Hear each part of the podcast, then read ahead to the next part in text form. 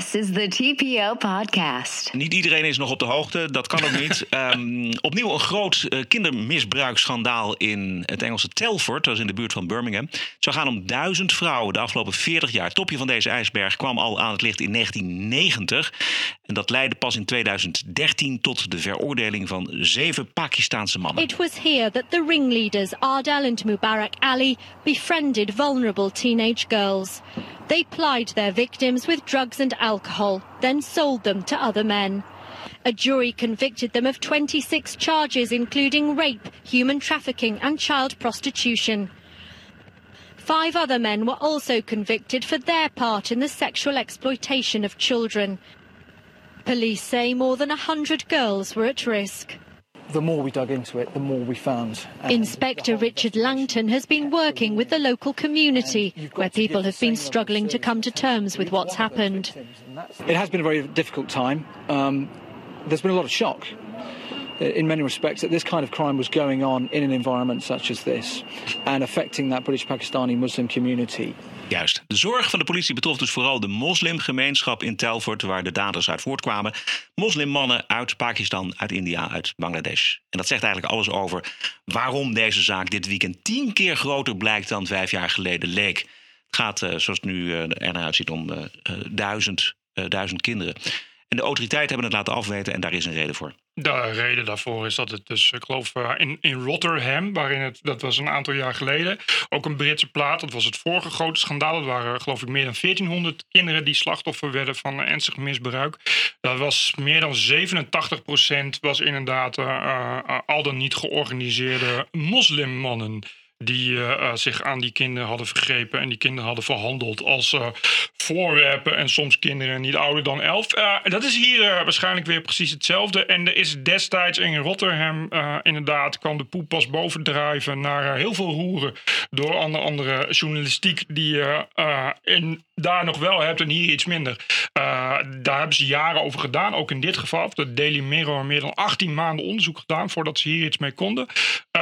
En doordat dat het al bekend was. En krijgen ook uh, members of parliament die uh, in, in, in Groot-Brittannië per district zijn gekozen, geloof ik. Of in elk geval er zitten hier ook weer members of parliament die dit uiteindelijk hebben moeten aankaarten voordat er überhaupt iets gebeurde. De reden ervoor, een belangrijke reden ervoor, er zijn meer redenen. Het is sowieso een ontzettend complex probleem, omdat het een complexe samenleving is. Maar een belangrijke reden is dat niemand zijn vingers durft te branden aan het feit dat de daders en de verdachten van islamitische afkomst zijn. Een meerderheid Pakistanen, die in Engeland overigens Asians worden genoemd. Uh, dat is uh, racisme en islamofobie, zoals je zult begrijpen. Dus wordt dat er onder de pet gehouden en ja. weggeduwd, weggemasseerd, met alle gevolgen, verschoven. Ja, met alle gevolgen van dien. En die zijn uh, gruwelijk als je de details leest. Die kun je zelf lezen. Maar waar, waar, waar het volgens mij wij het in deze podcast eventjes over moeten hebben, is namelijk de reactie van de media daarop. Want het is een verhaal wat zondag gebroken is door inderdaad de Daily Mirror. En dat duurde dus heel erg lang voordat andere media dat oppikten. Uiteindelijk uh, kwam de Independent op on Sunday kwam met het verhaal.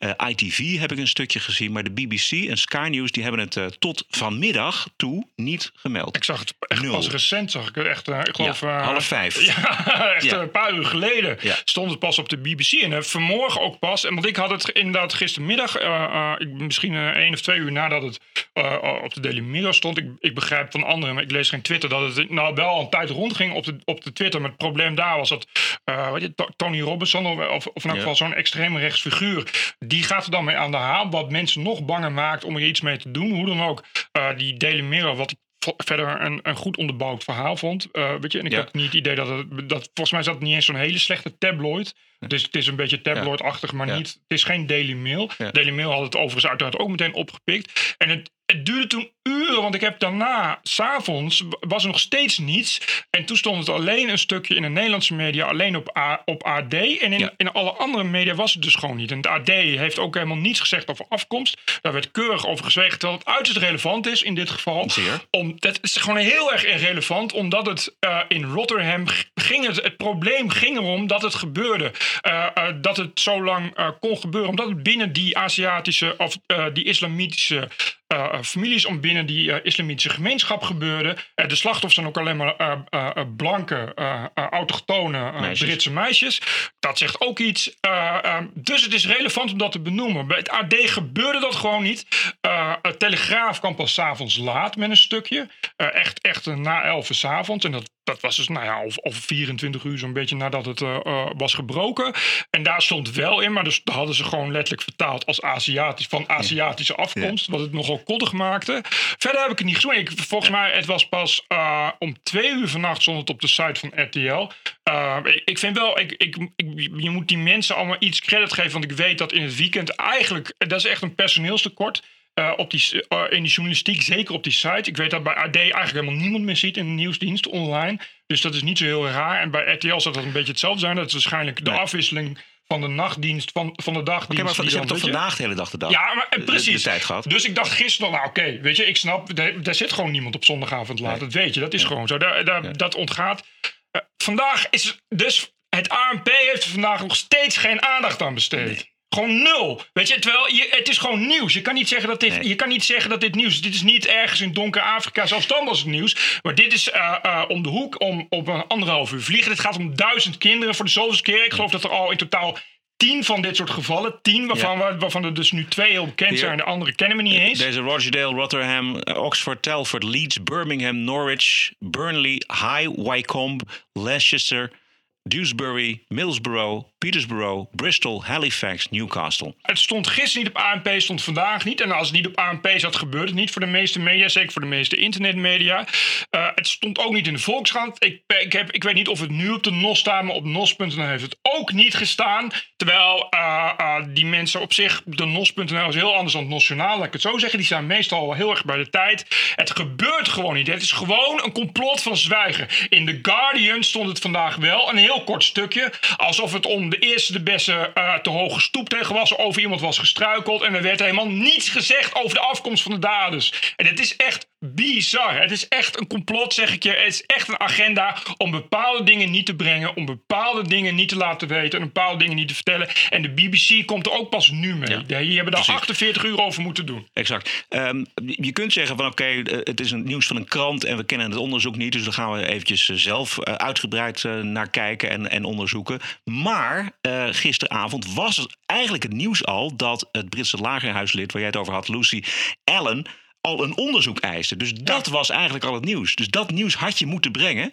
Vind ik. Je kan nog ook, zelfs als je, als je te bang bent om, om iets met de achtergrond van die daders had je al, al tig dingen kunnen denken die gewoon al nieuws waren. Want de, die uitspraken uh, van gemeenteraadsleden, van, van politiefunctionarissen, van, van, uh, van lagerhuisleden waren er gewoon al. Ja. Weet je, het was al gewoon bezig. En het was ook al, begrijp ik, een paar dagen was, er, was het al nieuws op Twitter en het rond. Omdat, omdat natuurlijk die Daily Mirror dat natuurlijk wel hè, heeft, ja. heeft aan, uh, aangekaart om de, dat een beetje in beweging te brengen. Maar de manier echt waarop de, de, de Volkskrant, het is gewoon niks. De nee. voorpagina's van is gewoon niks, noppes, helemaal nul. nul. Dat is echt, dat is echt beschamend. Dat is beschamend. echt belachelijk. Ja, nee, dat vind ik ook. Want je, je, kunt wel zeggen, ja, de zondagavond, de redactie die, die is, die is nou, uitgedund. Maar ze krijgen wel een hele, hele maandagkrant uh, gevuld. En daar hoort dit gewoon in.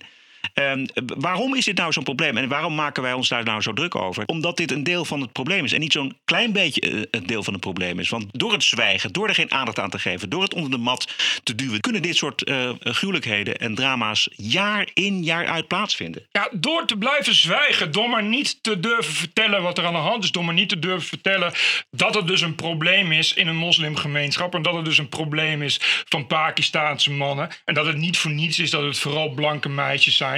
Door dat maar niet te durven vertellen en door maar niet te durven vertellen dat uh, uh, daarom zoveel extra slachtoffers hebben kunnen vallen en kunnen blijven vallen. En dat gebeurt nu nog steeds. Door dat verzwijgen blijft het dus verzwegen. Die mensen die gaan straks in het volgende gemeente, in het volgende dorp, als het weer gebeurt, gaan ze weer niet zeggen omdat ze weer bang zijn om door de Guardian en de BBC en de hele fuck you uh, linkse good mensen bewegingen in Engeland voor, voor racist en voor islamofoob te worden kapot gemaakt. Dat gaat weer gebeuren. En dan moet je niet je mond bij blijven houden. Dan moet je niet bij gaan staan zwijgen. En zeker niet als journalist. Ik vind het ontzettend laakbaar dat er in Nederland duizenden journalisten zijn. En dat er tot nu toe zijn geweest die er iets over hebben geschreven. En dat je weet dat van die 1800 zijn die het wel weten en het bewust niet opschrijven. Dat vind ik ontzettend kwalijk en ontzettend laakbaar. En dat vind ik echt tot aan het misdadig aan toe. Dan moet je misschien maar ophouden met journalist zijn als je bepaalde dingen niet wil brengen. Dan moet je maar hulpverlener worden. Of dan moet je maar dominee worden. Of zedenprediker of columnist. Het feit dat dit niet gewoon in de Volkskrant staat. En dat het vandaag niet op de site van de NOS verschenen. En op de site van de Volkskrant is gewoon ontzettend kwalijk. En dat is bewust kwalijk. Dat is een ding wat ik zeker weet. En ik las laatst bij, eh, bij eh, hoe heet dat vehikel, de correspondent. Een van het dom stuk over de complotten van extreem rechts. Waarin de suggestie werd gemaakt dat er bij links nou nooit complotten zijn. Nou, die is er wel. En dat is de complot van de stilte. Dat is het complot van het zwijgen. Steeds maar weer. En dat is al zo geweest van- vanaf de Eerste Wereldoorlog. Dat was bij de Tweede Wereldoorlog zo. Dat was er vlak na. En dat is nu nog steeds zo. Steeds maar weer.